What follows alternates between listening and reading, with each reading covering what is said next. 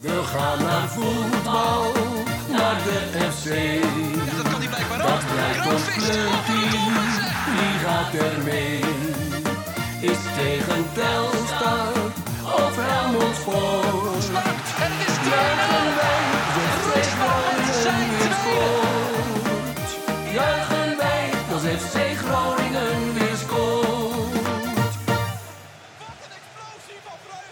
Conform in de podcast, aflevering nummer 19 van seizoen 6. Mijn naam is Maarten Siepel en voor de laatste keer, voor mij in ieder geval, eh, en in dit kalenderjaar, zit ik aan tafel met Thijs Faber Mooi. en Wouter Holzappel. Eh, laatste Hallo. keer voor jou. Je komt er eh, wel weer terug. Ja, maar ja, Dit kalenderjaar. Voor dit kalenderjaar wel, ja. Helaas, eh, inderdaad, drie maanden ga ik naar Nieuw-Zeeland vanaf 3 januari. Zeg je nou dat je helaas drie maanden naar Nieuw-Zeeland gaat? Nee, niet helaas, maar ja, toch eh, podcast maken is wel leuk. Drie Ja, maanden geen. FC Groningen. Ik hoop wel dat op het moment dat ik terugkom, dat we dan al bijna die promotie binnen hebben. Want eh, ja, laten we eerlijk zijn, het was natuurlijk een fantastische week met een eh, overwinning in de beker tegen Willem II. En ook nog eh, daarna tegen Jong Utrecht. We gaan het eh, over beide wedstrijden hebben. Over Jacob Compien, die de nieuwe voorzitter is van de RVC. En we gaan eens even lekker de balans eh, opmaken. Maar wederom hebben wij natuurlijk ook weer nieuwe Petje. Dat zijn deze week Koene Haukes, Henk, Hank, Henk Hansen en Rick Meters. Bedankt voor het support van onze podcast. Hiermee krijg je toegang tot extra speciale content. Zoals de maan met masker en gehoord op de reda- redactie. Wil jij dat nou ook? Ga dan naar conforminder.nl. Zit jij hem nou uit te lachen? Ja. Vind ik niet erg. ja, mensen moeten wel context weten. Ehm, het is op dit moment zaterdagmiddag. Eh, gisteravond, sorry Maarten dat ik jou... Misschien was je dit nu net gaan vertellen, maar... eh, gisteravond was eh, FC Groningen Jong FC Utrecht. Ja, en eh, ja, ik denk dat wij alle drie vanochtend wakker werden met het gevoel van... Nou, misschien is het maar goed dat het even winterstop is. Thijs, Ja, wij, hebben zelfs een, wel. wij hebben zelfs een codewoord voor jou afgesproken. Hè? ja. Geitenmelk, moest ik zeggen, als jij iets te ver ging. Ja, nou ja. Maar die was ook Nou ja, wel kijk, weer... FC Groningen Jong Utrecht is heel leuk. Hè? En ik wil hier alcoholgebruik niet per se eh, eh, eh, eh, reclame voor maken. Ook zeker niet voor de jongere luisteraars. FC Groningen kan ook heel leuk zijn zonder. Eh, maar het was gisteravond wel leuk, vond ik. Het was wel leuk met. Ja, ja ik, ik heb ook... oh, ja, die- nee, maar als mensen nu denken, waarom klinken ze alsof ze net uit bed komen? Dat is ook Dat is zo. ja.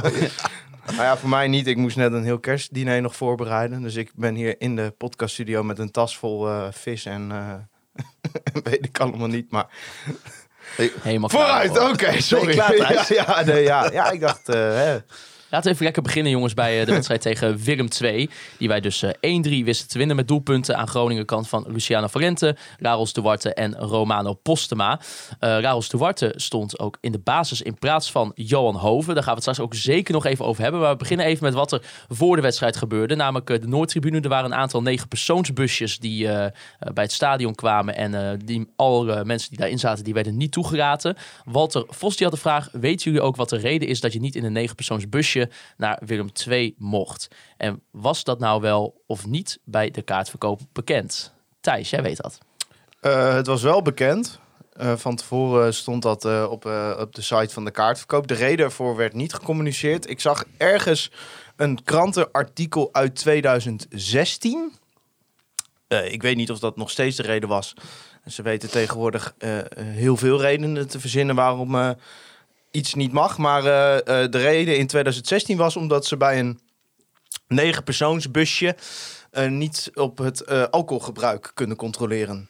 Ja, en een ander verhaal wat ik voorbij hoorde komen was dat er ooit een keer iemand of een groepje met negen persoonsbusjes ergens waren uitgestapt en wat, hè, wat amok hadden gemaakt. Dus, hè, en met die beredenering kun je eigenlijk stellen dat als dat dit keer was gebeurd met iemand in een rode auto, Ja. dan mag je in het vervolg niet meer met een rode auto naar Nee, nee, ik vind het ook wel. Ik hoorde ook eh, dat er eh, eh, bij Willem II mensen waren geweest die zeiden van, of het dan van de politie was of van Willem II, van ja, als jullie dan met z'n vijven in dat negenpersoonsbusje hadden gezeten, dan hadden jullie wel doorgemogen. Eh, ja, nou, ik denk dat, eh, kijk, ik snap de mensen die zeggen van ja, je wist het van tevoren dat het eh, niet mocht. Nou ja, het was inderdaad bij de kaartverkoop gecommuniceerd. Maar ja, als jij altijd met een negenpersoonsbusje gaat en je gaat gewoon met een groep van 60, 70 man en daardoor vervoer je jezelf. Eh, m- ja, kijk, als er nou een goede reden voor was. Kijk, je hebt ook wel eens bijvoorbeeld bij Excelsior is dat volgens mij. Dan passen ze niet in de parkeergarage waar de auto's moeten staan. Ja, kijk, dat is natuurlijk een valide reden om eh, te zeggen: ja, eh, je kan niet met een negenpersoons busje komen. Eh, maar in dit geval, ja, als er dan geen reden wordt gegeven, ja, je neemt inderdaad het risico door het wel te doen. Eh, dat je wordt eh, teruggestuurd. Maar ik vind het alsnog mensen op een dinsdagavond hebben vrijgenomen. Drie uur door eh, de dag en dauw daar eh, naar Tilburg heen om ze dan terug te sturen. Dat vind ik wel heel kinderachtig. Hè. Ja. En Het is ja, niet alsof ze aankomen lopen. Nee, en het is dan dat, dat misschien eh, mensen zeggen van, nou ja, je had het kunnen weten. Ja, dat is ook zo, maar eh, ja, ik, ik vind op zich, als, als een, een, een, een regel zo raar en buitenproportioneel is, ja, ik vind het dan wel heel eh, treurig dat eh, mensen worden weggestuurd. Ja, Je hoeft ook niet, regels. volgens mij, overal altijd maar akkoord mee te gaan. Natuurlijk eh, moet je aan de regels houden, maar ja, dit soort regels, het is toch gewoon een geldig vervoersmiddel. Dus ja, ik, nou ja. Het, het is vermoeiend. Ja, en gewoon kloten voor die gasten dat ze niet naar binnen konden. Maar ja, wel een overwinning eh, dus voor FC Groningen. En Beker daardoor eh, een ronde verder tegen Excelsior straks in de, in de achtste finale. Ja. Ehm ja, het is een overwinning in, denk ik, toch de belangrijkste wedstrijd van het seizoen tot nu toe. Wat die bekerwedstrijd? Ja. Nou, ik eh, weet niet hoe belangrijk de beker eigenlijk is. Nee, maar voor het gevoel misschien. Oh zeker, ja, nee, Ik ja, bedoel- deze discussie hadden we vorige week ook. Ja, het was wel een interessante wedstrijd. Nou, kijk, eh, ik denk wel dat het een wedstrijd is waar je echt eh, ontzettend veel vertrouwen uit kunt halen richting de tweede seizoen zelf. Eh, eh, ik denk dat deze podcast over het algemeen wel heel positief gaat worden. eh, ondanks dat de wedstrijd gisteren helemaal niet goed was. Maar er zijn ook wel wat nuances hoor. Maar ja, als je gewoon ziet dat je, dat je de trainer van Willem II na de wedstrijd zegt van ja, we, we hadden niks in te brengen, we schoten tekort. Je speelt een uitwedstrijd bij de nummer 1 in de KKD, die van de laatste 10 de 9 gewonnen hebben. Je bent eigenlijk de hele wedstrijd daar de baas. Eh, je krijgt op een vervelend tijdstip de 1-1 tegen, maar je richt je toch weer op en, je- en, je, en je krijgt uiteindelijk wat je verdient. Je speelt dat professioneel bij elkaar. Ja, dan, dan dat, dat is zo'n verschil eigenlijk met aan het begin van dit seizoen. Maar ik denk wel dat er een hele andere druk op deze wedstrijd staat dan op bijvoorbeeld een wedstrijd tegen Jong Utrecht. Ja, ik, ik weet en het niet ik, per en se. ik denk minder. Minder druk. Ja, misschien dat deze wat vrijblijvender was. Hè? Want je, Ja, veel kijk, vrijblijvender. Kijk, als je deze uitschakeld was, had iedereen gezegd... nou ja, kloten, maar dan kunnen we ons op de competitie richten. Ehm, maar ja, dat neemt niet weg dat, dat voor, voor die spelers... en dat is gisteren in die zin ook weer gebeurd... dat er weer gewoon een, een, een tegenvaller is... en dat ze zich weten op te richten. Dat is nu twee, drie keer achter elkaar gebeurd. Eh, en, en ja, ik denk wel dat dat... eh, Iets is wat we aan het begin van het seizoen niet eh, hadden. Nou, en, ja. en dat dat gewoon vertrouwen schept. Los van dat ik tegen Willem II het spel ook echt goed vond. Ja. Ja. Hoe heb jij daar eigenlijk naar gekeken, Os, die bekerwedstrijd? Nou, allereerst was het voor mij een eh, hele bijzondere eh, ervaring om weer eens een wedstrijd van FC Groningen 90 minuten lang met commentaar te zien. Ja, ook lang gereden, ja. ja. Dat, hebben we echt, dat is echt een zeldzaamheid eh, de laatste tijd. Nou ja, dit seizoen sowieso nog niet. Ik bedoel, of we zijn erbij, of we moeten via dat verschrikkelijke schakelkanaal kijken. Het is trouwens een heel leuk programma, dat schakelkanaal. Ja, behalve, als je, als je zelf mee. behalve als je eigen Ja. club speelt, want dan eh, kun, je er helemaal, kun je er helemaal niks van zien. Nee, maar eh, eh, eigenlijk wat Thijs ook zegt, het, je, je gaat er eigenlijk heen met een soort van eh, gevoel van, nou, dit kan allebei de kanten opvallen. En je ziet gewoon dat misschien ook wel juist, ja, ik denk dat er iets minder druk op staat, omdat, je omdat het inderdaad de beker is. Ik bedoel, als je verliest, ja, jammer dan. Maar goed, de beker ga je waarschijnlijk eh, toch niet winnen. Daar hangt niet een promotie vanaf. Er hangt ge- geen hele verstrekkende gevolgen aan een verlies. Terwijl het tegen Jong Utrecht thuis vind ik dat wel. Ehm, en ja, je, je, dus je speelt een soort frank en vrij. eh, speel je eh, Willem II helemaal zoek. Ja. Ja, Nou ja, eenmaal zoek vind ik overdreven, maar je, was wel echt eh, gewoon aantoonbaar beter. Kijk, eh, Willem II stond niet in de aller, aller, allersterkste opstelling, maar het was ook niet alsof ze met een B-team speelden. En eh, alsnog speel je gewoon een uitwedstrijd door de week nadat je het tegen MVV lastig hebt gehad. En ja, wat ik zeg, gewoon het, het geduld hebben om, om tot kansen te komen. Het lukt ook wat beter, zelfs nog beter dan tegen Jong Utrecht. Maar ook gewoon het uitspelen, zeg maar, nadat die 2-1 en die 3-1 viel. Ik, ik heb niet het gevoel gehad dat Willem II nog terug ging komen eigenlijk. Nou, en, het duurde, wel- en het duurde ook maar, hè, maar zeg ik maar, het duurde vij- 51 minuten voordat er een, eh, een eerste schotpoging kwam. Ik moet wel zeggen dat ik nog steeds wel, ook tegen Willem II eh, en dan tegen Jong Utrecht in het verlengde daar ook weer van, dat je nog wel heel, heel, heel erg afhankelijk bent van oprispingen van spelers in bepaalde momenten. Nou is dat natuurlijk in het voetballerij eh, Ja. gewoon dat je af en toe een keer een bal richting die goal jast en dat hij erin vliegt. Maar zoals ook die goal van eh, Valente, eh, die 1-0. Is natuurlijk een heel goed schot. Dus schiet hij hartstikke goed binnen. Valt ook wel weer een klein beetje van toevalligheden aan elkaar dat hij hem zo voor zijn voeten krijgt. Eh, aan de andere kant, eh, ja, hij is er wel. Hij, hij, zit daar, hij staat er wel weer. Hij is wel weer daar aanwezig. En dat is natuurlijk iets wat hij de laatste weken enorm goed aan het laten zien is. Dat als er ergens een losse bal valt, dan is Luciano Valente er als de kippen bij om er iets mee te doen. Dus ik vind het zit daar een beetje dubbel in. Dus aan de ene kant vind ik het heel goed dat je overal bent en dat je overal voor die kans gaat. Maar aan de andere kant zou ik wel iets vaker ook uitgespeelde aanvallen als doelpunten willen zien. Nou, waar, waar ik wel een beetje doodziek van word, eh, dat is ook eh gisteren weer. Dat waarom gaat bij ons iedere halve kans tegen erin?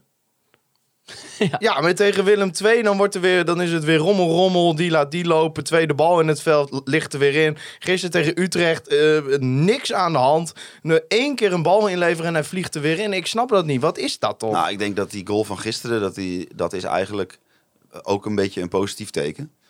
Eh, Dat klinkt een beetje raar, want een doelpunt tegen is niet zo snel positief. Maar dat, dat doelpunt van gisteren van Jong Utrecht tegen zegt eigenlijk dat je veel beter bent dan de tegenstander. Ja, maar je staat wel weer 1-0 achter. Ja. En het is dat je zo. Ja, het is niet alsof we daarna de kans aan één hebben ge- geregen. En dat dat zo weer eh, je punten kunnen kosten. Nee, nee, zeker. Maar ik word daar doodziek van dat die doelpunten elke keer. Het is niet alsof we echt mooi uitgespeelde aanvallen tegen krijgen. Zeg Nee, maar. maar als jij eh, straks in de tweede seizoenshelft vaker dit soort wedstrijden gaat spelen, waarbij je constant de boven de liggende partij krijgt, zijn dit exact de doelpunten die je af en toe tegen gaat krijgen. Ja, maar waarom iedere wedstrijd? Ja, dat, Ja. ja, dat is. eh, Ja. En dachten jullie bij de 1-1 toen van, eh, van Jesse Bos van nou hoe nu zou Willem II er toch wel overheen gaan klappen? ik dacht vooral dat een van Twente, toch? Ja, geweest. Ja. Ja, Ja. dat, dacht ik Dat is wel eigenlijk jammer. Dat is wel Ja. jammer. Nee, eh, eh, ja, ik had eigenlijk, misschien is dat ook een beetje de, de, het Pavlov-effect van de Groningen supporter van de afgelopen twee jaar. Dat bij iedere tegenslag denk je, nou, dan zal het nog wel helemaal misgaan. Eh, waar volgens mij ook alle aanleiding voor is om dat te denken. Maar eh, ja, aan de andere kant, tot die tijd vond ik Willem II ook niet zo indrukwekkend. Dus eh, ja, ik dacht wel toen ze die Bokila inbrachten, dacht ik van, oh ja, die zou wel eens wat kunnen gaan forceren. Maar ja, daarna, het was ook al wel vrij snel 2-1, toch? Daarna weer. Ja, ja, precies. Dat, eh, dus, Goeie goal trouwens, Duarte. ja, nee, klopt. Eh, ja, en sowieso als je kijkt naar Karels Duarte, want dan kunnen we wel gelijk gaan naar de, de wedstrijd tegen Jong Utrecht. Ehm, ontzettend veel kansen gecreëerd in dat eigenlijk dat eerste gedeelte van, de van de Ja, maar wel allemaal afstandsschoten. Ik had Ja. wel het gevoel Ja. dat eh Lukien eh, zei, eh, schiet maar eens een keer. Ook, maar ook die, dat is dan, vind ik dat zo jammer. Dat zo'n kopbal van Postema in de Ja. eerste helft. Zou het, ik gun het hem dat die, dat die moet er gewoon een keer in. Ja. Ik bedoel, ja, hij scoort natuurlijk daarna. ja, natuurlijk. Maar, ja, dat zijn dan toch die, die, die momentjes waarmee je dus eigenlijk voorkomt dat Jong Utrecht het gevoel heeft dat ze nog in die wedstrijd zitten. Ja, ik, ik vond het wel apart, want eh, nou ja, ik denk dat wel het meest vanuit Duarte moest komen. Eh, Die kan wel goed voetballen. ja, die kan wel wat. Ja, dus ook wel. Hij speelt nu drie wedstrijden in een, in een week, ja. Ja, Dus hij zal wel echt fit zijn. Maar eh, eh, ja, die afstandsschoten vond ik wel dat ik denk van nou, ik, ik had wel gehoopt wat meer uitgespeelde aanvallen eh, te zien. Ook omdat ik niet heel erg onder de indruk was van Jong Utrecht. Maar ja, uit- uiteindelijk moet je het inderdaad toch weer hebben van ja, één hele goede aanval en één wereldgoal. Ja, want inderdaad, nou Groningen komt dan op achterstand. Eh, Jesse van der Haar scoort dus een derde doelpunt van het seizoen voor Jong Utrecht. Ja, dat is dan toch, je, dan, hè, je bent zo dominant en dan krijg je hem toch eigenlijk in één momentje even vlak, eh, nou redelijk vlak voor de rust, nog wel even het is tegen. wel eh, twee wedstrijden op rij nu ook een soort, ja, we kunnen het bijna een, peersmannetje noemen. Gewoon net niet. Oh, die paas van Duarte was ook niet fraai, moet Die paas Maar misschien had hij niet met zijn buitenkant links daarin moeten komen. nee, ik denk, en het eigenlijk hetzelfde geldt vorige week met die Costons. Het zijn dan twee van die kleine momentjes die, eh, waarbij die net niet gedecideerd genoeg ingrijpt. En waardoor je eh, nou ja, een overtalsituatie voor de tegenstander eh, creëert eigenlijk. Wat Rente daar ook aan het doen was trouwens. ja, maar de- Die loopt gewoon weg bij die, bij die eh, Van der Haar. Hoe heet die, te Haar? Ja, Van der Jesse, Haar, ja. Jesse van der Haar. Ja, Ja. nou deze mensen zijn eh, nog niet heel erg eh, op elkaar ingespeeld als het gaat om verdedigen van grote ruimtes. Dat Nee, is wel één, jeetje. één ding wat zeker is. Want het was echt... eh, want Rente die ging dan Peersman bijsluiten. Maar Peersman had al bijna die man weer ingehaald die hem zeg maar voorbij was gelopen. Waardoor die gast die die goal maakt helemaal vrij staat. Ja. Ja, dus eh, ja, je kunt enorm naar Peersman kijken. Het is ook wel een behoorlijke fout, maar die wordt eh, een enorme kutbal ingespeeld door Duarte. En daarna gaat Rente, die wil zijn broek uittrekken of zo bij Peersman. Dat hij denkt van, wat ben je nou aan het doen? eh? Maar ja, wat ik al Ja. zei, los van het feit dat je inderdaad gelijk hebt dat, we vaak dit soort tegendoelpunten krijgen. Als jij dominant voetbal speelt op de helft van de tegenstander, dan gaan dit exact de doelpunten zijn waar we er nog tien van tegen gaan krijgen. Ja. Een kutbal, een kutaanname en een counter. En eh, dat, dat, is geen, dat is geen enkel probleem als jij ervoor gaat zorgen dat je gewoon nou ja, in de eerste helft gewoon 2-0 voor staat. Ja, maar denk jij dat onze spitsen een bal zo hadden kunnen afmaken als Utrecht dat deed? Nou, dat weet ik niet. Vind ik, eh, Ik vond hem wel eh, netjes uitgespeeld. Ja, namelijk, was, ondanks dat ze alle tijd de ruimte kregen. Maar, was zeer, zeker. ja, maar dat is wel het verschil natuurlijk. Kijk, Groningen moet gewoon veel te hard werken voor een doelpunt. Ja. Dat, dat is gewoon eh, het feit. Eh, eh, hard werken voor de kansen, maar ook zeker voor de afronding. Ik bedoel, ik denk dat Postema heeft dan die kopkans gehad. Nou, Van Berg had een enorme kopkans en nog een enorme schietkans. Ja, dat ziet er natuurlijk niet uit hoe dat afgerond wordt. Dat is niet goed, nee. Nee, kijk, p- bij Postema had ik nog zoiets van, dat was wel een moeilijke kopbal. Maar eh, ja, Van Bergen heeft gewoon een, een vrije kopkans. Nou ja, die, hij, hij hoeft er niet in, maar hij mag wel een keer misschien tussen de palen. En dat was daarna met zo'n actie ook. Dan speelt hij het mooi uit, maar dan komt hij in de buurt van het doel. En dan, ja, eh, zo wild. Ik, ja, het is gewoon geen afmaker. Eh, de- tot nu toe niet, nee. Nee, En Romano Postema inderdaad, we gaan straks natuurlijk naar het, eh, naar het moment van de week. Oh. Maar eh Romano Postema die scoort natuurlijk wel op, eh, op aangeven van Tom van Berg. Kijk, da- die scoort hij er wel weer even lekker in. Ik Zo. da- Ja. dat, is, dat is wel even Ja, maar- zo'n moment dat ik denk, je ziet Romano Postema wel even in dit afgelopen half jaar van dan nog een beetje jeugdspeler naar een wat meer volwaardig prof gaan. Nou, dat vind ik absoluut. Ja, Ja. maar dit is, dit is gewoon een spitse goal. En Ja. dit is, maar dit kan hij ook. Hè? En dit heeft hij in de hele jeugd gedaan. En, en eh, dit, daar laat hij zien die kwaliteit wel te hebben. Dus, dus ik denk dat... Ik, ik ben er ook nog steeds voor om Postema wel te laten staan... richting de tweede seizoen zelf. Maar ja, eh, er moet wel wat naast. Ik ja. vond ook de, de, de vooractie vond ik heel goed. Want hij ging eigenlijk tussen die twee centrale verdedigers inlopen. En op het laatste moment, op het moment van de paas, Ja. dook hij eigenlijk buiten die verdediger om. Ja, en dat schot is natuurlijk echt zo'n... Ja, je, je, je vraagt je af, moet, Verdekt schot. moet zo'n keeper die bal niet hebben? Maar dat is volgens mij een ongelooflijk lastige eh, bal. Omdat hij, het klinkt gek, maar omdat hij net iets te dicht bij de keeper is. Hij moet een hele rare beweging maken, wil hij die bal daar weghalen. Omdat hij, normaal gesproken als een keeper duikt, dan, heb je, hè, dan valt hij op de grond naar waar, hij dan ongeveer terecht komt. Daar, dat is een goede plek om de bal eh, tegen te houden.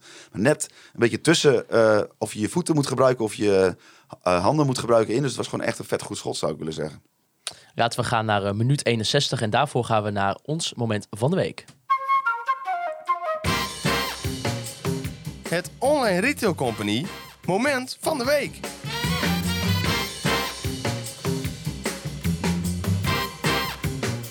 Ja, ons moment van de week gesponsord door onze grote vrienden van de Online Retail Company. Ja, ik was toevallig nog even eh, op een van die webshops aan het kijken. En eh, het is toch een beetje koud. Kacheltje, het wordt kerst.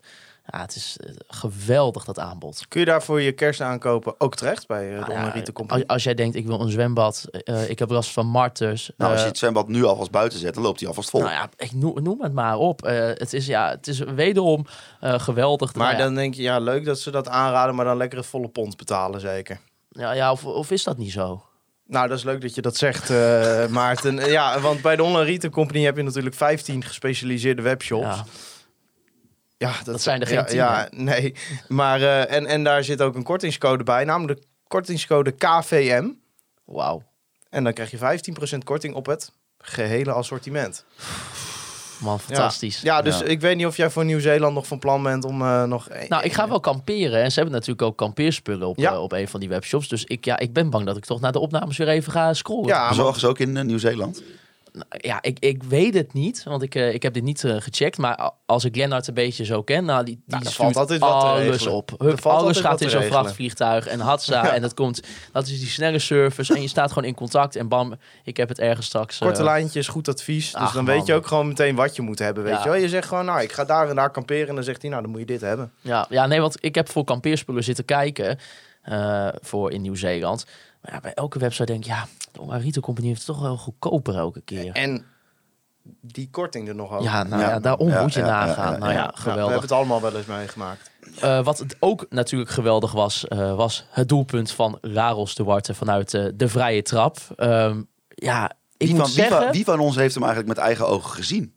Nou, Eh, ik niet. Ik ook niet. Nou, ik, ik, ik, dacht, ik dacht namelijk, ik zag hem wel, maar ik dacht, ja, ik, als Ik je dacht- er terugkijkt, dan, dan, ik had niet op dat moment door hoe, hoe bijzonder dat doelpunt eigenlijk was. Want ik dacht mislukte voorzet. ja, want dat, ik, dacht, nou, ik dacht gewoon vanuit de vrije trap zo. En ik dacht eigenlijk, want inderdaad, ik zag wel door die vlaggen, zag je het niet helemaal. dat, dat was het met name, maar ja. ik denk, nou, hij zal wel zijn aangeraakt, dacht ik. Dus ik dacht, ja, hij vliegt er gewoon via een speler in of wat dan ook. Maar ja, dan zie je het terug en dan, ja, Ja. bizar. En er was Bizar. ook iemand bij ons in de Telegram groep, eh, die stuurde een video vanaf de business tribune, hoe die bal erin vloog. Dat je eigenlijk zo exact in, zijn, in, het, in de lijn van het schot zit te kijken.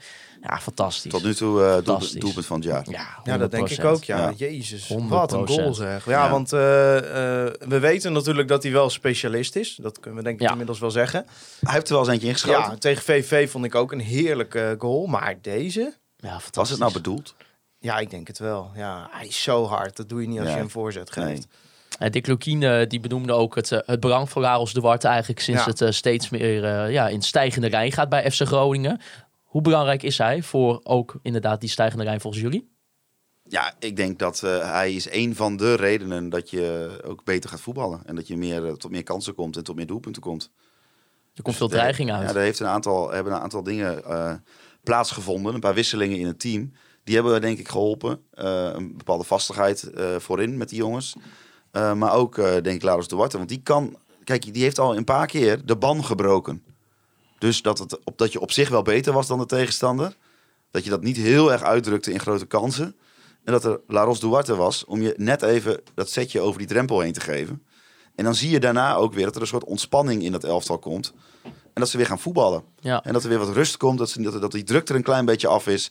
Dus ja, ook al speelt hij in een slechte wedstrijd. Hij kan met één actie kan die gewoon eh, het hele totale beeld van een wedstrijd Ja, veranderen. kijk, eh, qua kwaliteit slaat het natuurlijk nergens op dat Lagos Duarte in de keukenkampioen-divisie Nee. speelt. Kijk, zijn probleem is het fit zijn. En, en ja, dat Ja, is gewoon knieën. een, een groot, nou ja, chronische blessure heeft hij daar, Ja. in, in een pees daar.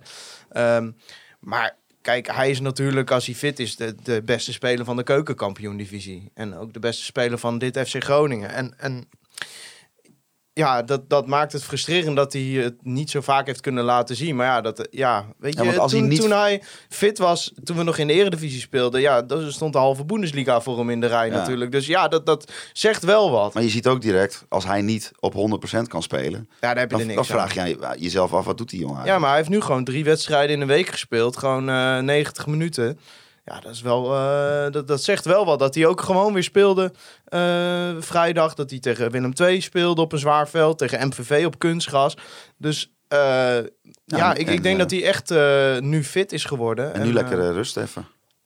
ja, nou, hij zei tegen Stefan Bleker dat hij gewoon door ging trainen. Omdat, nou ja, hij, heeft, hij legde dus uit dat hij een, een, een, een chronische peesblessure heeft. Nou ja, het, het kan wel oplossen, maar ja, dan zou je echt een, een jaar eruit moeten, zeg maar. Eh, en, en wat nu het geval is, is dat, ze, dat het iedere dag aandacht nodig heeft. Dus dat hij speciale trainingsprogramma's moet volgen. Eh, en dat hij, zeker als hij rust heeft gehad en dan weer opstart, dat dat meestal de gevaarlijke momenten zijn. Dus hij gaat nu in de winterstop ook doortrainen. En eh, ja, mogelijk gaat hij nog naar de Afrika Cup toe. Je zal het niet ver- verbazen, Thijs, maar ik heb dus exact dezelfde blessure gehad. Oh? Ja, maar eh, ik had hem niet zo heel erg. Maar een vriend van mij heeft hem dus ook. eh, en die heeft er eh, al acht jaar last van en die komt er niet vanaf. Nee, nee ja, dit is, ja, het is profvoetballen verschrikkelijk als je dat hebt. En het is niet zeg maar, zoals bij een spier. Een spier groeit weer. Maar een pees zit zo weinig ja, bloedvaten en zo in. Dat een pees gewoon heel moeilijk herstelt. Dus het is, gewoon- dat heeft inderdaad wat, wat je zegt.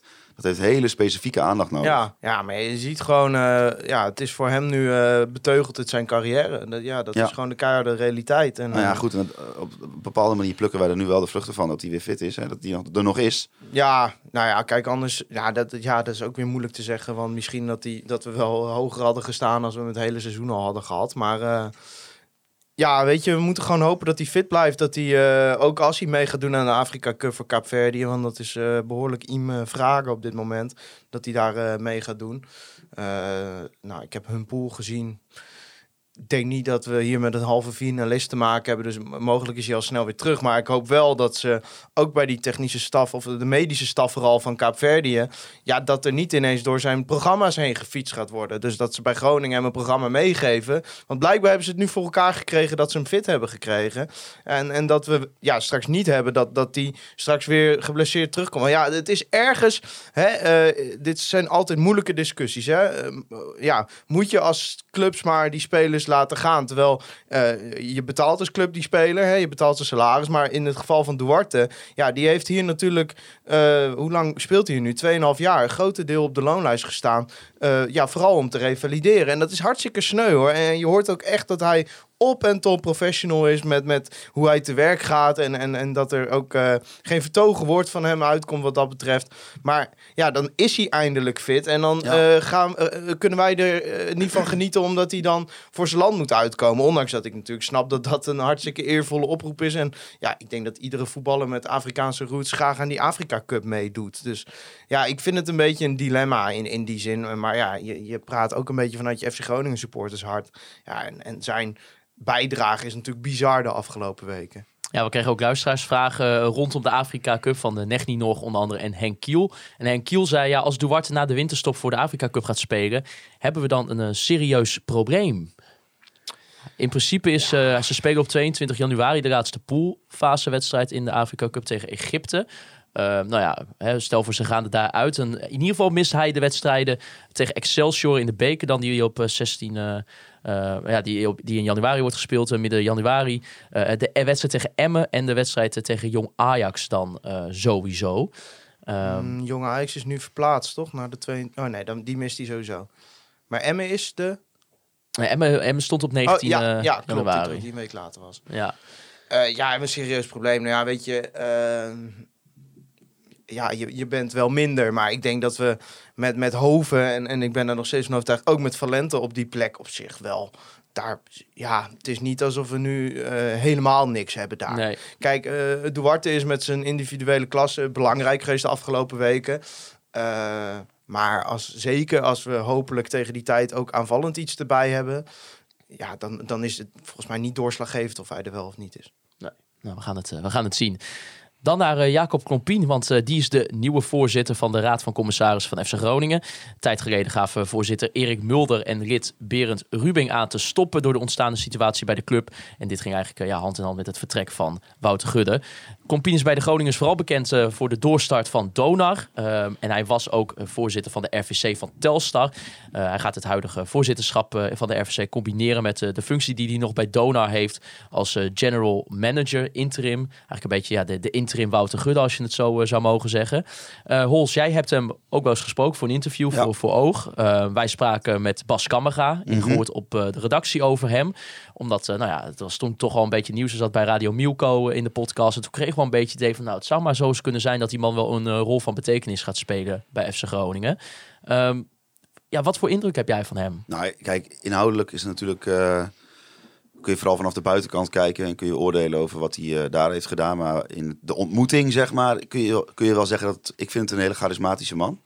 Op een, ehm, een beetje op een manier van eh, als hij je iets vertelt en hij vertelt dat het goed komt, dan geloof je ook echt dat het goed komt.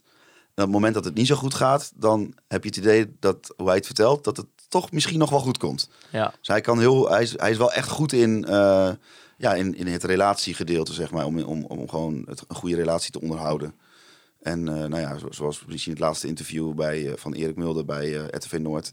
Ik zie hem dat wel iets handiger aanpakken, zeg maar. ja. Nee, ik vond ook, ik- we hebben het natuurlijk gevolgd toen vanuit, vanuit ons werk. Ik, Ja. heb, ik heb volgens mij ook één of twee keer geïnterviewd en gesproken. Nou, ik vind inderdaad, hij is heel erg, eh, heel erg benaderbaar, vind ik. En ik vind het ook wel een, een man die, ja, ook al ze- moet hij slecht nieuws brengen, dat je, je schrikt het sneller of zo. Ja. Ik, vind het, ik vind dat hij heel erg in die zin, in ieder geval in het geval van Donar, heel erg transparant is geweest. Ook over toen de doorstartkansen van Donar en hoe het allemaal zat. En dat het ook allemaal best wel technisch is. En, eh, maar hij heeft natuurlijk een hele financiële achtergrond. Dus hij, Ja. eh, eh, zeg maar, de belangrijkste taak die je hebt als voorzitter van de RVC is controleren of het gevoerde beleid, of dat, eh, of dat allemaal goed gaat. ja. En ik denk dat hij echt maar wel alle vinkjes eh, eh, heeft om voor die functie ook. En wat fijn is voor de, de buitenwereld, zeg maar. Want je wil toch eigenlijk het liefst wel iemand toch om aan te presenteren aan de buitenwereld dat je kan laten zien, kijk, dit heeft hij gedaan. Nou ja, dan komt dat die val van Dona, die komt, kan op geen, geen slechte moment komen, want hij heeft daar gewoon aangetoond om een hele grote groep mensen met de neuzen dezelfde kant op te krijgen. En om zo'n basketbalclub die miljoenen schulden heeft, om die toch weer te, te redden. En ik denk dat het gewoon een hele goede timing is. Dona, daar is, daar is hij nu eh, general manager ad interim, oftewel gewoon tijdelijk directeur. Ja. Die moeten ook gewoon naar een vaste directeur toe. Ik weet niet hoe die overgangsperiode gaat, of ze daar wel helemaal blij zijn met dat het allemaal eh, over elkaar heen loopt. Maar goed, Dona moet ook gewoon weer een vaste directeur hebben. En eh, nou ja, hij moet nu voor een gesprekje als voorzitter van de RVC van Telstar drie uur heen rijden, een kwartier met iemand praten en drie uur terug. En dat wordt straks eh, een kwartier eh, rijden. En dan eh, kan hij zoveel mogelijk tijd nemen als hij wil en weer een kwartier naar huis, want hij woont gewoon in Groningen. Ja, nou ja, en er is dan nog een nieuw lid bijgekomen met Adriaan Stel. Nou, Ja, mij verder niet van. bekend. Nee. Maar in ieder geval iemand die lang bij de gasunie heeft gewerkt en vooral in, in, in het financiële topfuncties heeft Ja. bekleed. Kijk, en hij heeft, Bas vertelde in de, de, gehoord op de redactie ook dat hij bij Telstar ook, ik weet niet precies hoe dat zit hoor, dus dat, maar dat hij ook wel met aandeelhouders hè, heeft gewerkt om geld in die club te krijgen, maar nooit de meerderheid van de club zeg maar weggeeft. Dus ehm, ik, ik weet niet of ik het goed zeg trouwens, maar in ieder geval wat Bas een beetje aan probeerde te geven is, stel dat we richting zo'n 50 plus 1 model zouden gaan, waarbij eh, 50% plus 1 eh, in eigendom komt van nou ja, de supporters, de sponsors, eh, wie dan ook. Dan zou je, heeft hij misschien wel de ervaring om met die andere, dat andere deel van die aandelen, om daar misschien financieel iets mee te doen. Ja. Dat zou ook eh, mooi zijn. Maar goed, dat is allemaal koffiedik kijken, want hij, hij is nog niet eens, volgens mij, is hij al, is hij al officieel aangetreden? Volgens mij is hij nog niet ingehamerd. Nee, maar, precies, Ja, maar- je hebt wel ook met... eh, ik, eh, ik heb dan bij dat andere nieuwe bestuurslid ook even de cv bekeken. Je haalt wel eh, twee eh, bestuurlijke zwaargewichten binnen. Dus ik denk dat dat wel eh, op dit moment prettig is. Een goede toevoeging. Nou, Ja. En het fijne is natuurlijk dat nu daadwerkelijk ook de zoektocht naar de opvolger van Wouter Gudde kan beginnen. Ja, ja dat, dat sowieso. maar Dus wij en, en, noemen en, hem- dat is ook wel wat ik bijvoorbeeld zo'n... eh zo'n klompien, maar ook iemand hoog in de boom bij, eh bij GasUnie. Wat ik wel toevertrouw dat die wel weet waar een directeur aan moet voldoen. En eh, ja, ja, je twijfelt nog steeds wel een beetje aan het sportieve aspect in zo'n RVC. Hamburger zit dan natuurlijk, maar ja, ja, en maar dat is ook weer zoiets. Ja, we hebben daar geen zicht op. Hoe dat Nee, gaat. klopt. En ik denk dat het heel fijn is dat je met Klompien iemand hebt die... Hij heeft, hij, hij heeft ook eh, in de zoektocht naar een nieuwe directeur bij Telstar natuurlijk... daar de tijd, een tijd eh, de boel waargenomen als eh, eerste persoon, zeg maar. Ja, Dus je hebt, al, je hebt al iemand die in ieder geval snapt hoe een voetbalorganisatie werkt. Nog niet zo Ja. groot als FC Groningen natuurlijk. Ja. Waar je wel iets meer personeel hebt en een grote jeugdopleiding. Ik weet eigenlijk niet of Telstar dat heeft. eh, niet groot. Nee. Maar in ieder geval iemand die dat gevoel in ieder geval heeft met die sportwereld. En die daar al rondgelopen heeft. En die in het wereldje zit. Dat is denk ik al een voordeel. Ja, kijk, eh, kijk een voorzitter van de RVC of een Han Berger. Die gaat natuurlijk nooit tegen een eh, directeur zeggen van die en die speler is niet goed genoeg. Die moet je, mag je niet halen. Dat, gaat natuurlijk veel meer over processen. Hè? Hoe, hoe wordt er samengewerkt en eh, hoe kom je tot de goede besluiten. Ik denk dat daar wel de goede know-how nu voor in de RVC zit. Eens. Nou, ik denk positief. Maar goed, nu is het inderdaad veel belangrijker. Wie gaat dan de dagelijkse eh, leiding krijgen? Want dat is veel bepalender uiteindelijk voor hoe de club, dra- hoe de club draait. Ja, maar ook hoe wordt die eh, structuur ingericht, zeg maar. Krijgen Ja. we bijvoorbeeld een technisch manager er nog bij? Dat, ja, dat zijn ook interessante vragen. Want je hebt dan nu, is dan Wouter Gudde eh, de voorzitter van het compositieoverleg. En ja, als algemeen directeur. Maar ja, je kunt je afvragen of de nieuwe algemeen directeur... die al behoorlijk wat op zijn bordje heeft. We weten dat van Gudde ook, dat hij ja, echt een, behoorlijk omvangrijk takenpakket heeft... en daarom echt niet altijd overal maar aan toe komt. Ja, of het niet verstandig is om bijvoorbeeld daar ook weer een technisch manager tussen te gaan zetten. En ja, wie dat dan zou moeten zijn. Dus ja, er is meteen wel voor de nieuwe RVC, die godzijdank nu weer compleet is, ook eh, ja, wel wat behoorlijke vraagstukken te beantwoorden de komende tijd. Maar ja, het is in ieder geval fijn. Dit is in ieder geval stap 1 richting weer eh, ja, een beetje bestuurlijke stabiliteit bij FC Groningen. En eh, ja, het gaat natuurlijk ook allemaal vallen en staan met de resultaten in de tweede seizoen zelf. Want dat is gewoon ja, de keiharde realiteit eh, bij een voetbalclub. Dat, ja, dat is uiteindelijk ook wat, wat de sfeer rondom de club bepaalt. En, en je ziet nu, nu het wat beter gaat, ja, dan kun je dit soort dingen ook lekker even wat in de loot eh, eh, gewoon. Hè. Ik denk niet dat er heel veel mensen nog aan Wouter Gudde denken, zeg maar. Eh, terwijl als het slecht gaat, dan, ja, dan komt er toch wat meer druk op te staan. Ja. Op het moment staat FC Groningen op een zesde plaats in de keukenkampioen-divisie. Mits Dordrecht niet heeft gewonnen van Emmen. Want die spelen nog op het Mhm. moment van al opnemen nog vandaag een wedstrijd. Ja, Milan Visser is benieuwd. Is de hoop op directe promotie nu gestegen? Of moeten we het doen met play-offs om promotie?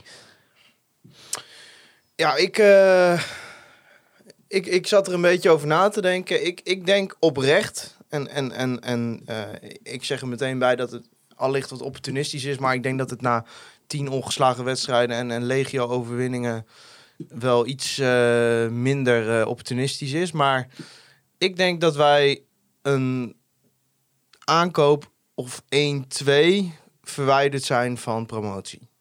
Dus als er deze winter, en dan eh, denk ik met name een, een, een spits die in dit systeem past en doelpunten maakt, eh, aangetrokken kan worden. Of dat nou huur is of wat dan ook. Eh, en denk ik misschien toch wel een, een, een, een speler voor de, voor de backpositie. Rechtsback kijk ik dan met name naar. Hoewel Bakuna dat trouwens prima invult. Dus met name die spits. Ja, ik denk dat dan... Ik denk, een, Ik denk dat dan zeg maar het, het, het, het, de zeven die de afgelopen weken wordt gehaald, wat vaker een acht kan worden, omdat er ook drie punten bij zitten. een spits en ehm, iemand die zowel op links als rechts op die eh teampositie kan en echt doelpunten maakt. Ja, nou, ik denk dat met name de opdracht weer doelpunt is, ja. Want ik Ja. denk dat je nu in ieder geval kan zeggen van, nou, deze tactiek slaat aan, Ja. het werkt. Eh, dat is natuurlijk het eh, dilemma geweest de afgelopen weken. Nou, speel je met Van Bergen, ja, eh, scorend is het natuurlijk niet goed genoeg, maar je, je kunt niet ontkennen wat zijn bijdrage aan, aan het team is. Maar nu de transferperiode open gaat, heb ik wel zoiets van, ja, er zijn meer mensen die dezelfde energie in een wedstrijd kunnen brengen als Tom van Bergen, die misschien wel een goal kunnen maken. Dus de, ja, de opdracht voor de scouting is heel duidelijk, denk ik, wat er moet gaan gebeuren. Ja, en eh, ja, Nou, maar daar zit wel eigenlijk ook met- meteen mijn eh, lichte angst. Die zit op twee plekken. Eén, financieel. En twee, als we nou naar de afgelopen paar transferperiodes gaan kijken. Die hebben nou niet echt bewezen dat die eh, tot een succes hebben geleid. Sterker nog, de laatste transferperiode vond, heeft ertoe geleid dat Dick Lukien maar gewoon de hele, hele opleiding op het in het veld heeft gezet. ja. Dus ehm, ik vind dat wel spannend. Ik ben wel, ja, kijk, aan, aan de ene kant heb je natuurlijk maar beperkte middelen om spelers te halen. Maar aan de andere kant zijn het de keuzes die gemaakt zijn met het geld wat uitgegeven is. Tot nu toe ook niet altijd de beste keuzes gebleken. Dus eh, ja, je zou kunnen zeggen, ze hebben zich helemaal weer opnieuw te bewijzen als het gaat om het aantrekken van spelers. Want vooralsnog is de enige aankoop die echt gesla- geslaagd is dit, eh, deze zomer, dat is denk ik rente. ja.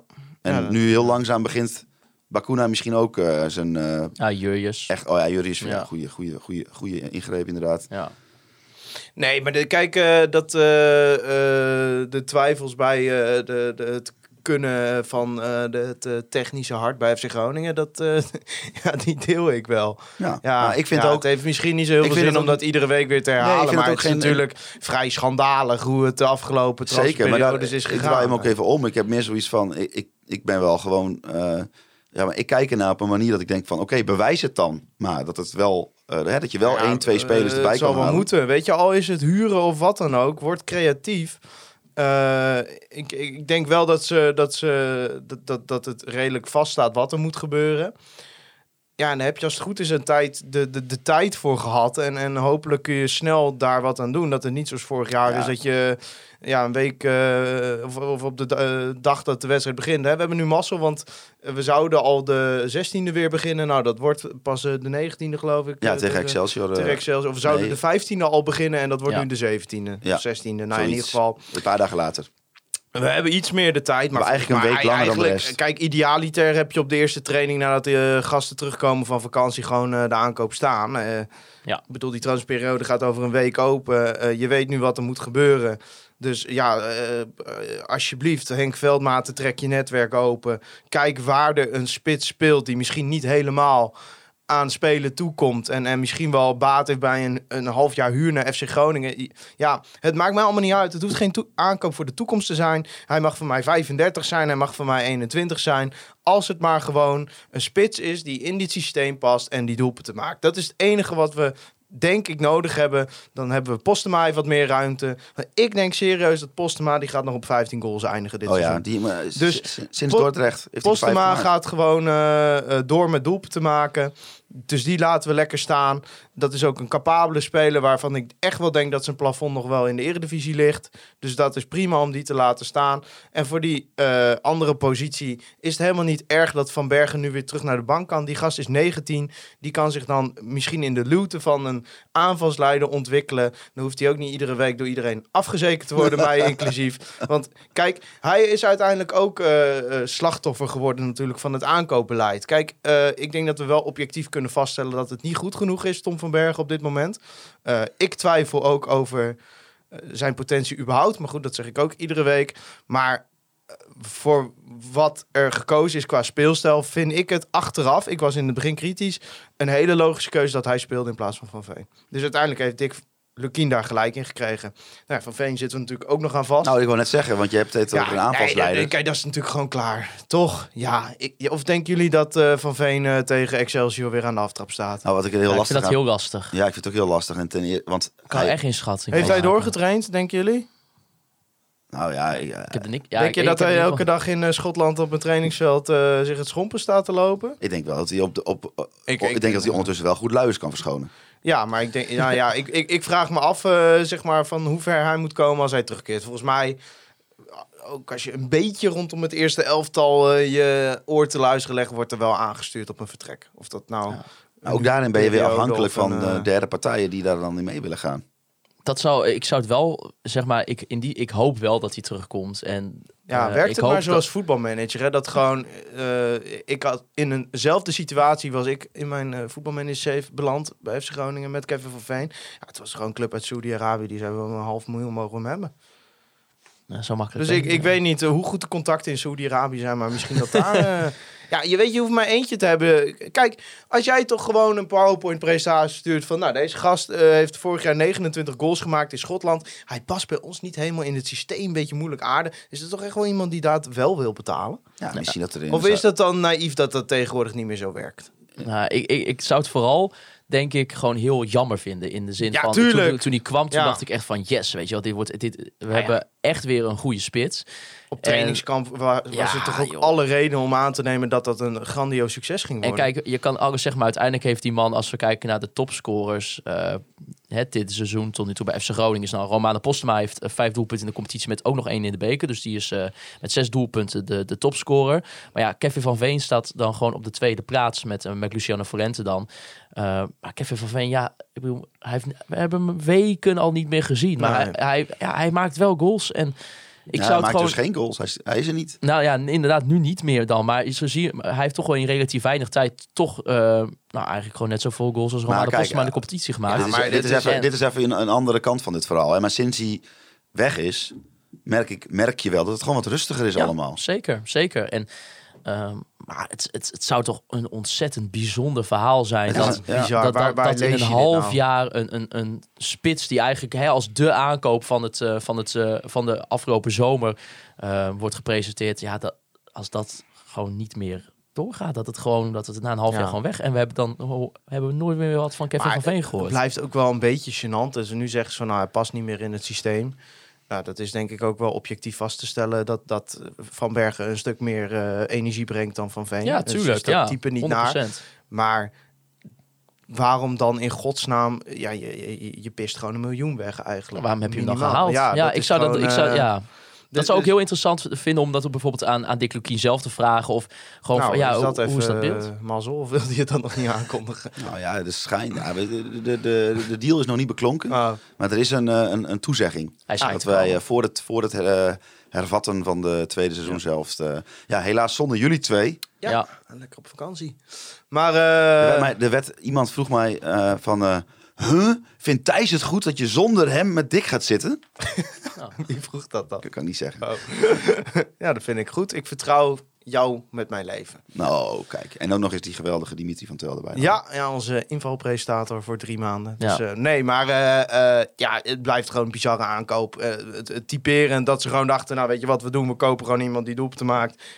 Blijkbaar er niet over nadenken hoe dat dan in het, in het team gaat passen. Ja, dat is eigenlijk, eigenlijk een mooie samenvatting van... eh, van hoe het aankoopbeleid hier wordt gedaan. Dus doe maar wat. Ja, dat, Ja. ja. volgens mij eh, is dat geen rare uitspraak als je zegt dat dat is... eh, En we, we hebben het nu allemaal sportief op de rit. En daardoor gaan we nu denk ik toch wel met een, met een, met een redelijk gevoel de winter in. Maar eigenlijk is het natuurlijk schofterig dat je überhaupt eh, dat het zo ver hebt laten komen. Dat je na, wat was het, na tien wedstrijden gewoon rond de 14e, 5e plaats stond. Ja, nou, gelukkig zaten daar eh, ja, voor eh, bestuursleden eh, consequenties aan verbonden. Want dat kon zo niet langer. Mag ik, mag, ik, hier- mag ik hier even iets positiefs inbrengen? Ja. Nou, ik heb de, de bekerwedstrijden zitten kijken. Nou, bijvoorbeeld eh, AZ op bezoek bij HSC was natuurlijk wel to- toppunt. Dat eh, leek net alsof er eerst een eh, kudde eh, varkens overheen was gelopen... en dat ze daarna zijn gaan voetballen.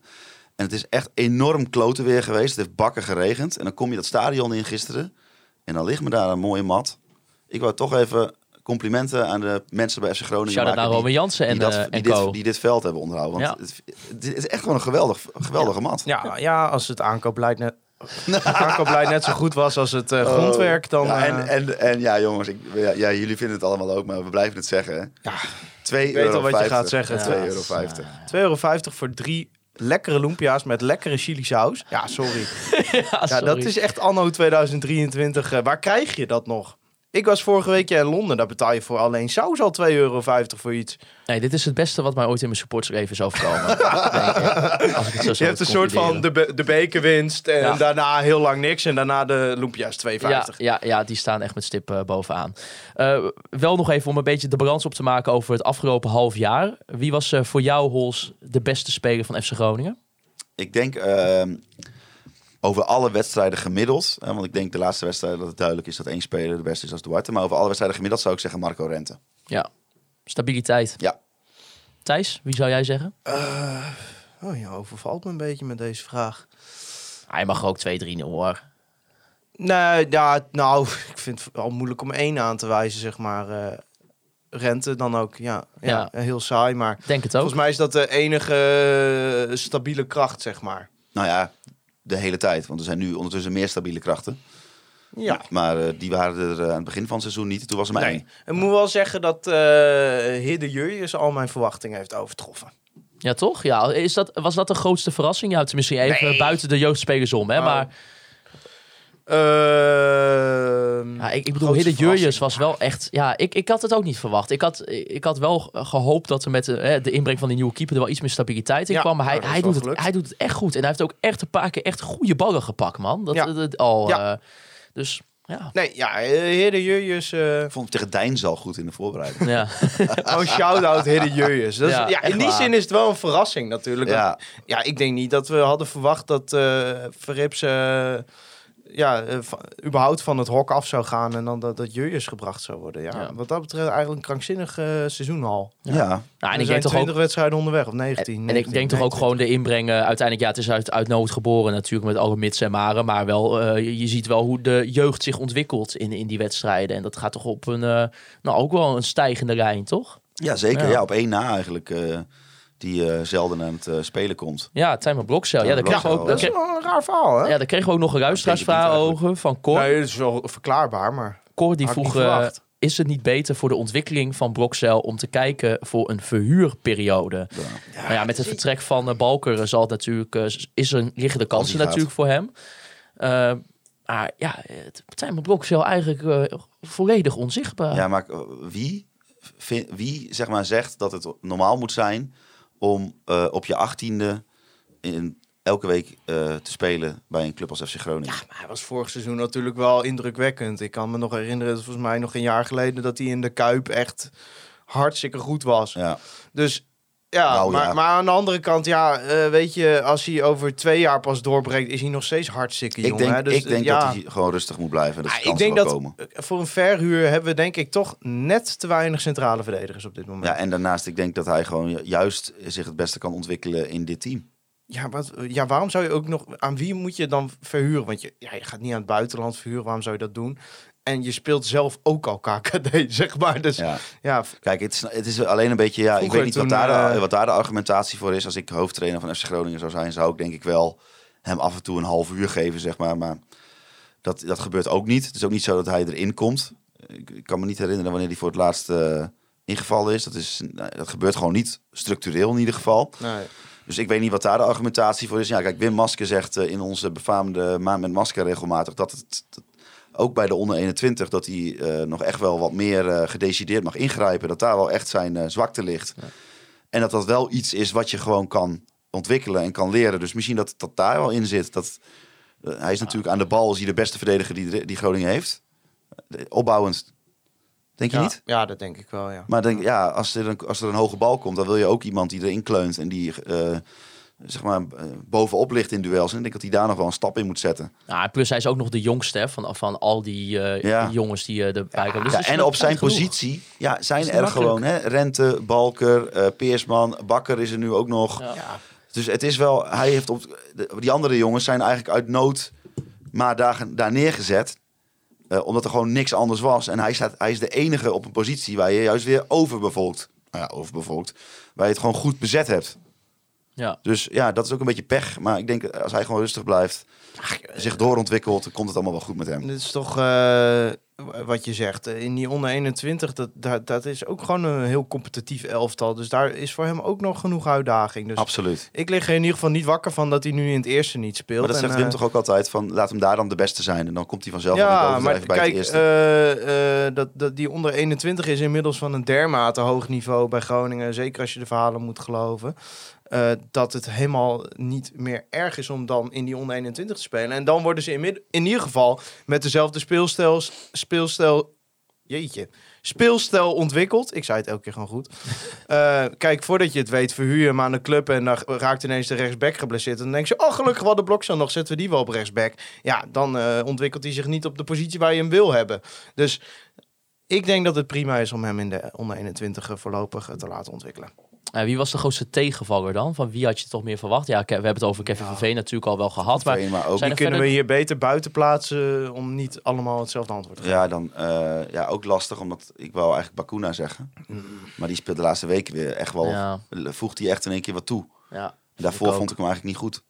Nee, hij heeft ook wel moeilijke start. Je was ook inderdaad ook zeker in het begin niet altijd eh, nou, su- super fit We natuurlijk. hebben het toch wel over, van, over iemand die Premier League heeft gespeeld en die Ja. in de tweede competitie in Nederland gaat spelen. Ja, Ja, ik- zeker in die begin. Ik, had, ik had in ieder geval verwacht dat hij er wat toch wel wat eerder zou staan. Ondanks dat hij al even niet meer gevoetbald had. Maar ik had wel al eerder in het seizoen verwacht dat, dat het gewoon al beter bij hem zou gaan. Maar ja, het ging sowieso bij FC Groningen überhaupt heel erg slecht. Ja, en ik had toch wel wat meer van eh Iran dus te verwachten.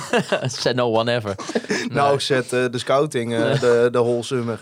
Maar, nou, en, ja, ik weet niet. Ik, maar dat, dat, kan soms ook, Sorry, zo, dat kan soms ook zijn omdat ik niet altijd volledig op, op hem let, individueel gezien. Maar Op Iran dus niet? nee, Ik, altijd wel. Elke keer als dan niet weer op de massagetafel ligt om de het over iemand anders, behandelen.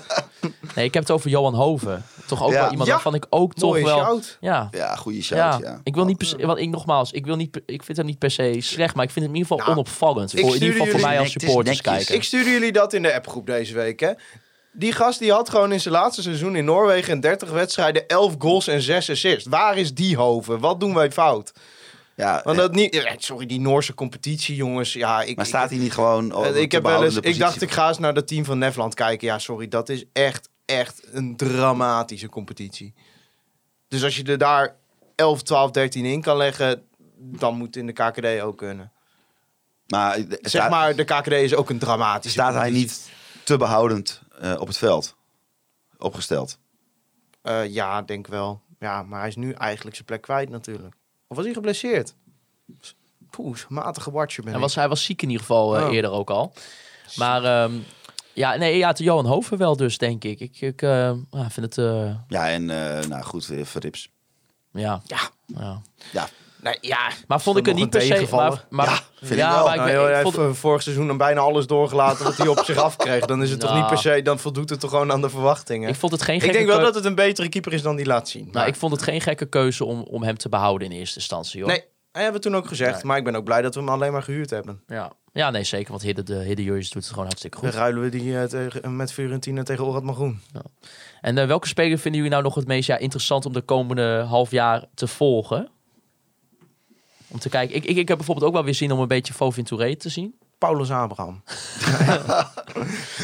Oh. Hoe die van de ene Nou. massagetafel naar de andere massagetafel Ja, laten we gaat. hopen dat ook Noam Emmeran eh volledig fit en eh, terug en wel... Nou, eh, fit, die is gewoon fit. Maar die speelt in de onder 21. En volgens Wim is hij daar een van de minste. Ja, Ook onze top aankoop van deze zomer. Van een briljant aankoopbeleid. nou. Zullen we een keer een podcast doen dat Thijs het woord aankoopbeleid niet Ja, mag nee, zeggen? En dat precies. hij anders elke fijn. keer als Ja, het zegt 100 euro, nou goed doen we Jongens, kijk, eh, we, zijn nu weer in positieve sfeer. Hè? Dus het is, Ja. ook, het is de tijd van hoop natuurlijk, met kerst. En ik ben er heilig hè? ik, heb, ik heb deze uitzending gezegd, en daar sta ik echt achter, één of twee aankopen en je gaat promoveren. Eh, ik, mag, ik, ik heb Maar- wel een shout. Ik, eh, ik, eh, Dat we hier beland zijn, dat blijft een schande. Kijk, dit is eh, 2023 wordt nu afgesloten officieus in deze podcast. Ja. Ja. we nemen woensdag nog geen op, dus het is niet de allerlaatste, maar wel de allerlaatste met z'n drieën. Ja, dit was natuurlijk een, een wanstaltig jaar FC Groningen. dus het is allemaal leuk. Ik heb gisteren een topavond gehad en je win- eh, teamwedstrijden op rij ongeslagen. Je hebt gewonnen, mooie goals gezien, de sfeer is goed. Maar ja, er zijn natuurlijk wel, ik bedoel, begin dit jaar zat Vladeris er nog. Ja, we zijn wel door een aantal charlatans, eh, nou eigenlijk één, maar zeg maar, die hebben wel deze club wel van, van iets, iets wat vrij groot was en eh, vrij groot had kunnen worden met de begroting. En eindelijk waren we op het punt dat we een keer die stap konden maken financieel richting de subtop. Ja, dan is het wel bizar dat je nou eh gisteren weer tegen Jong Utrecht speelt. Mag ik dat er wel even af en toe bij zeggen? ik eh Jorg Schreuders natuurlijk. Die was gisteren trouwens heel erg slecht. Vond hij zelf ook, dat is mooi. Maar die was echt heel slecht. Maar ik denk dat die eh, gaat eh, de tweede seizoen zelf eh, door waar hij mee bezig was. Maar ik, er nog, nog eentje. Ik, ik denk, ik heb zo'n voorgevoel, dus het slaat ook weer helemaal nergens op verder. Luciano Valente, die gaat, volgend, die gaat het tweede seizoen zelf echt, die gaat echt slopen. Ook goed bezig, ja. Die gaat echt, Laat het die gaat hopen. echt tegenstanders slopen. Ik zie hem nu al soms bij balverlies een bal terug veroveren. Dat tegenstanders echt zitten te kijken van waar komt hij nou weer vandaan. Maar hij moet op de plek waar Duarte staat. Ja, maar hij moet, hij moet een bepaalde eh, eh, zeg maar ontspanning in de zin van dat nu is het nog een beetje dat hij moet vechten om te laten zien dat dit zijn niveau is. Psychologie van de koude grond. Nee hoor, gaan we dat ga ik helemaal Een- niet noemen. Een analyse. Maar ik denk op het moment dat hij gewoon zich helemaal comfortabel voelt als eerste elftal speler bij FC Groningen, dat hij echt, dat hij echt veel doelpunten assist gaat geven. En een half jaar Dick Lukien. Ik ook. En een half jaar Dick Lukien is de trainer ehm, waar, je, ja, waar je op gehoopt had, Thijs, tot nu toe. Nou, ik vind het wel. Hè, eh, we zijn denk ik eh, eh, redelijk vaak kritisch geweest op Lukien. Maar al die mensen die zeiden van Lukien heeft altijd even tien wedstrijden nodig om een team op de been te krijgen. Ja, volgens mij is dat wel. Ja, hij heeft natuurlijk best wel een paar moedige keuzes gemaakt. Door gewoon de topaankoop ernaast te zetten, van keeper te wisselen. Eh, en we hebben hem daar eh, veel over bekritiseerd. En, en het, ja, zoals hij zelf zou zeggen, eh, we hadden meer punten moeten hebben. Laat daar geen misverstand over bestaan. Ja, moet, Ja, moet Als je een interview van. Lukien hebt, ja, daar, daar moet je echt gewoon Ja, ik- drankspelletje, leuk voor bij de kerst Ja. misschien. Dus eh, de Gewoon afspeellijst maken, tien interviews van Dick Lukien met Stefan Bleken op een rij. En dan iedere keer als Dick Lukien zegt, laat daar geen misverstand over bestaan, moet je een shotje nemen. Ja, Dus het is een beetje de goed voetbal in de ploeg van Dennis van der Rey. Ja, ja, ja of de, dat is eh, mijn waarheid, dat is niet de waarheid van Danny Buis. Ja. Ja, ja. die heb ik trouwens Ja. gesproken. Wie, Danny? Die was op Noord. Ja, ja, dat wist ik, ja. Ja, Nou, was leuk. ja hij, dat is hartstikke leuk. Ja, Danny is altijd goed, toch? Ja, ik vind dat toch wel mooi, want... eh, dus, We hadden hem bijna geloot, hè? ja, Maar goed, we hadden het over Dick Lukien. ja. ja. Eh, ja. Kijk, ik eh, snapte de aanstelling van Dick Lukien. Ik denk dat Dick Lukien voor Groningen een prima trainer is. Ja, ja punt. ja, ik, ja, ja, ja, ik denk het ook. ik denk dat eh, hij fouten heeft gemaakt. Maar zoals Danny dan zegt, iedereen maakt fouten. Zo is het toch? We gaan Ja. nu de trainingsclichés van de... Hè? Ja. Ernest Faber zei bijvoorbeeld altijd, ik heb lichtpuntjes gezien. Wormoed zei altijd, nou ja, god, don't get me started over eh Wormoed. Nee, daar zou ik mee oppassen, inderdaad. Nou ja, we gaan het eh, zien. Eh, in ieder geval... eh, Maar wat vind jij van Lukien dan, ja, Maarten? heerlijk. Vertel heerlijk. het eens. Nou, ik, ik Ja, ben... dit ik heeft ben- natuurlijk ook met jouw roots te maken. Ja, de, tuurlijk. Ik bedoel, eh Veendam eh, voor altijd natuurlijk. Maar ja, ik, ja, ik, ben, ik denk dat, eh, dat een hele stroeve start. Maar hij heeft het nu gewoon op de rit. En Nou. ik, ja, het is, ik, ik, het, ik vond het al gewoon bij aanstelling gewoon een trainer die past bij FC Groningen. Dus dat is ook wel eens fijn om gewoon da- dat gevoel te hebben bij een, bij een trainer. Dus eh, Dat is heel fijn. En ik kijk heel erg uit. wat ik ook heel fijn vind, is dat... eh dan zijn we natuurlijk zelf met dat gegil van Thijs Faber ook debet aan. Maar het, het, het, het, het Groningen vaart op een woelige zee. En eh, de kapitein houdt gewoon zijn stuur recht. En eh, doet, niet, doet geen gekke dingen. Blijft kalm, blijft rustig. En dat is ook wel een keer lekker. Dat Ja, er gewoon toch, iemand ja. is die gewoon stabiel is. die niet meteen in elk bosje gaat zoeken of er een journalist ligt die iets slechts over hem wil schrijven. Eh, gewoon een normale, relaxte vent die eh, eh, een plan heeft, daaraan vasthoudt. Wat aan het begin misschien zorgt voor dat het plan nog niet helemaal bij iedereen overkomt. Maar dat, nou, dat je inderdaad na gelang de tijd voor het ziet dat, het, dat er toch wel wat in zit. En nou, ik denk dat het. nou, ik, zie voor, ik zie zeg maar, ik vind het een, een 6, 7, een, ze- een 7 misschien, een 6,5. Met meer ruimte naar boven dan naar beneden. Ja, Dus zeker. ja, laat het maar zien. Top. Ja, Hols, eh, nou, het is nog niet de laatste podcast zoals Thijs al zei van het jaar, want eh, er komt nog even wat aan. Volgende week ga jij zitten. Dus ik, ik ga samen met Thijs. Ja. En bij, eh, Michiel Jongsma. Michiel Jongsma. Jongsma, Ja. Jongsma. Mr. Opta. Ja, en dan binnenkort Ik hopelijk sprak dus hem gisteren al even in het stadion, eh, in de rij voor het bier. Ehm, ja, we proberen niet te veel kruid te verschieten, maar... eh, Dat is moeilijk, hoor, met, Michiel Michiel, die, die, die, ja, die, die komt hier ongelooflijk goed voorbereid de studio binnen. Geweldig. Geweldig. Dat, nou, eh, dus die zal hier, eh, ja, die gaat het ons even uitleggen. Ja. ja, en die gaat vooral waarschijnlijk met mij in discussie over. want hij- ja, ik, ik, heb, ik zeg het nog maar even vlak voor het, eh, voor, voordat deze podcast afgelopen is. Maar als je er toch ook eentje weg moet doen deze winter, is wat mij betreft eh, Isaac Meta.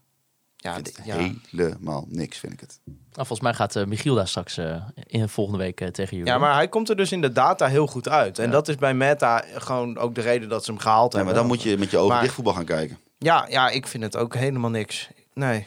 Nee. Kijk, en dan zeg ik, kun je, weet je, je mag voor mij prima de discussie voeren of het dan Prins niet ook flaws heeft. Maar het, grote, het allergrootste verschil is dat Prins, die heb je hier ergens uit, de- uit de stad geplukt. Die heb je leren voetballen en die voetbalt in het eerste. En deze Pipo heb je 1,2 miljoen voor in, de, in, de, in, de, in de open haard Ja, getiefd. ja, dat is met terugwerkende kracht, denk ik, had je dat geld beter kunnen besteden.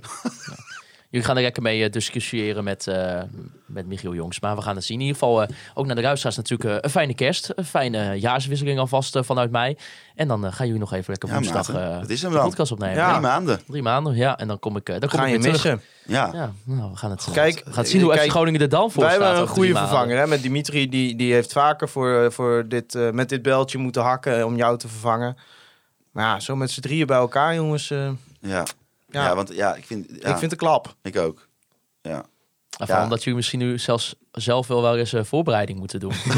dat, is misschien wel de grootste Ja, krap. mensen beseffen niet eh, hoe weinig eh Hols en ik normaal gesproken voor deze podcast doen, behalve aanschuiven. Dus ja, dat, is, dat komt er ook al. Kun jij niet vanuit Nieuw-Zeeland gewoon nog steeds een scriptje onze Ja, kant op jawel, sturen? jawel. Ik, ik moet toch even überhaupt gaan kijken hoe ik FC Groningen blijf volgen. Ik hoop dat Ja, maar onze socials dan, met de photoshops Ja, en zo. het laptopje gaat wel mee. Yes! Ja, kijk, daar begint het. En mee. dan- ja, maar kijk, mensen, mensen begrijpen ook niet. Kijk, Maarten kan ook niks loslaten. Dat is ook mooi. Ik heb vaak genoeg Maarten aangeboden van... oh, moet ik ook even wat doen? Of zou ik even dit en dit doen? En dan, ja, toch, ja, wil hij dat dan niet? Nee, dan zeg ik van ja, maar Maarten, ik, kan, Oh. ik kan die socials ook wel doen. En dan, ja, dan kan die toch. Dan zegt ja, maar als jullie dat doen, gaat het toch niet zo goed Nee, als dat ik nee het dus, doe. en Maarten neemt gelukkig de laptop mee, weet ik. Ja, Dus, ja, daarom, eh, daarom, daarom. Dat komt allemaal goed, jongens. Nee, maar eh, nou, jij eh, veel plezier, Maarten. ja. Nou, in ieder geval volgende week dus nog die podcast met Michiel Jongsma. En hopelijk eh, en, nou, ergens in, in januari uh, zou je met met masker, jongen, jongen. Echt, Jongen, jongen, echt, jongen. nog. Wij zijn nog niet... De kater van Nieuwjaarsdag is nog niet voorbij. Of ik zit alweer met Wim Masker in de studio. man, Ik kwam trouwens- heerlijk. Eh, wel een stukje human interest. Misschien ook een keer leuk voor voor de betaalmuur. Want we altijd in de maand met Masker bespreken we ook altijd even een stukje uit het leven van Wim Masker. ik kwam Wim Masker dus gisteren tegen in de Albert Heijn. En die was kerstboodschap aan het doen eh, met zijn met zijn partner. Eh, en eh, nou, Wim die legde mij uit dat hij ehm, met name draagt. Ja. Dus Wim die liep achter, eh, achter zijn partner aan. En eh, ja, die, die snauwde Wim ook toe dat Wim al bezig was met zijn stukje van volgende week. Ik weet niet, maar eh, op het moment dat die gezinsbode bij mij op de deur maar ploft, dan, dan ga ik lezen. Want Wim, dan ren jij ja, want Wim die vertelde, die was al met zijn stuk bezig. Tja, Dus gaat zo heerlijk. Nou ja, nou, ik zou zeggen, in het nieuwe jaar, Wim Masker, Dus eigenlijk, als je het heel goed de met Masker. beschouwt, gaan wij Weer zo- positief, denk ik. Wij gaan zo meteen twee half jaar, drie half jaar overzichten maken.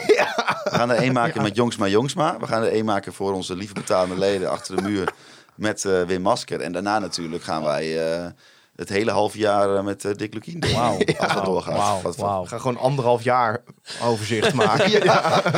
ja. nou, veel Nou. succes daarmee, heren. In ieder geval naar de luisteraars toe. Dus inderdaad, eh, fijne kerstdagen, gelukkig nieuwjaar. Eh hopelijk op naar een, eh, een mooi jaar voor FC Groningen. laten, we daar, Ja. eh, laten we daarvoor gaan. Het had altijd in die zin eh Ah een ja, slecht ik, jaar ik, voor de ik, club ik zag kunnen dat er een hoop bomen staan waar je met een fakkel in kunt gaan hangen tegenwoordig op de grote markt. Dus Oh, eh, ik, wil, ik wil niet vooruitlopen op de omstandigheden. Maar Ja, je kan ook, ook, ook een beetje helpen, want die bomen staan allemaal best wel dicht bij elkaar. Ja. Dus trek jou zo die boom in. Ja. En als jij bijna valt, dan... en je pleurt ik in de vast. fontein. Dus eh, Ach, het is ja. heerlijk. Ja, nou, fantastisch. Nou, er was, ik, ik zag een discussie online ontstaan van... kun je straks met die fontein nog wel een huldiging houden daar? Maar volgens mij is hij wat breder geworden... als je zeg maar richting de drie gezusters en richting ja, en oude zo, het is ook V&D niet is zo hij ook... groot. Ik heb, eh, eh, het is, die- fontein eh, ook. eh, je- het is natuurlijk altijd beperkend te- ten opzichte van gewoon één grote bak met stenen. Maar kijk, op de plek waar die bomen stonden, was eerst een bus, eh, een weg waar Ja. bussen langs gaan. Ja, Dus de, de grote markt is zo ontworpen dat er ook huldigingen kunnen plaatsvinden. dat is mooi. Geweldig. Maar goed, als Dona gehuldigd wordt, komen er 2000 mensen, dus dat scheelt. Dat scheelt. Ik ga niet weer ruzie krijgen met eh, de donor-achterban... dus eh, ik hou me daarbij op de vlakte. Oké, Nou ja, heb je dat wel eens gehad? Nou, nou ja maar die eh, mensen zijn wel altijd voor reden vatbaar. Wellicht, eh, wellicht is het een optie, eh, de grote markt. Nou ja, we gaan het allemaal meemaken. Hopelijk kan Groningen zich zo door blijven ontwikkelen. Jullie kunnen Conforminder de podcast volgen via Spotify, Apple Podcast of waar je ook maar wilt gaan luisteren. Volg ons ook op alle social media kanalen, X, Facebook, Instagram. Ik wil natuurlijk Jan Westman bedanken voor het maken van de foto's. Toupé en de Onga Retail Company voor het sponsoren van onze podcast. Net als onze KVM-vrienden. Wil jij nou nog meer FC Groningen content? Ga dan vooral lekker naar conforminder.nl. En als laatste wil ik natuurlijk Free Westhoff en Mark Pepping en jullie de luisteraars bedanken. Voor het luisteren naar Conforminder, de podcast.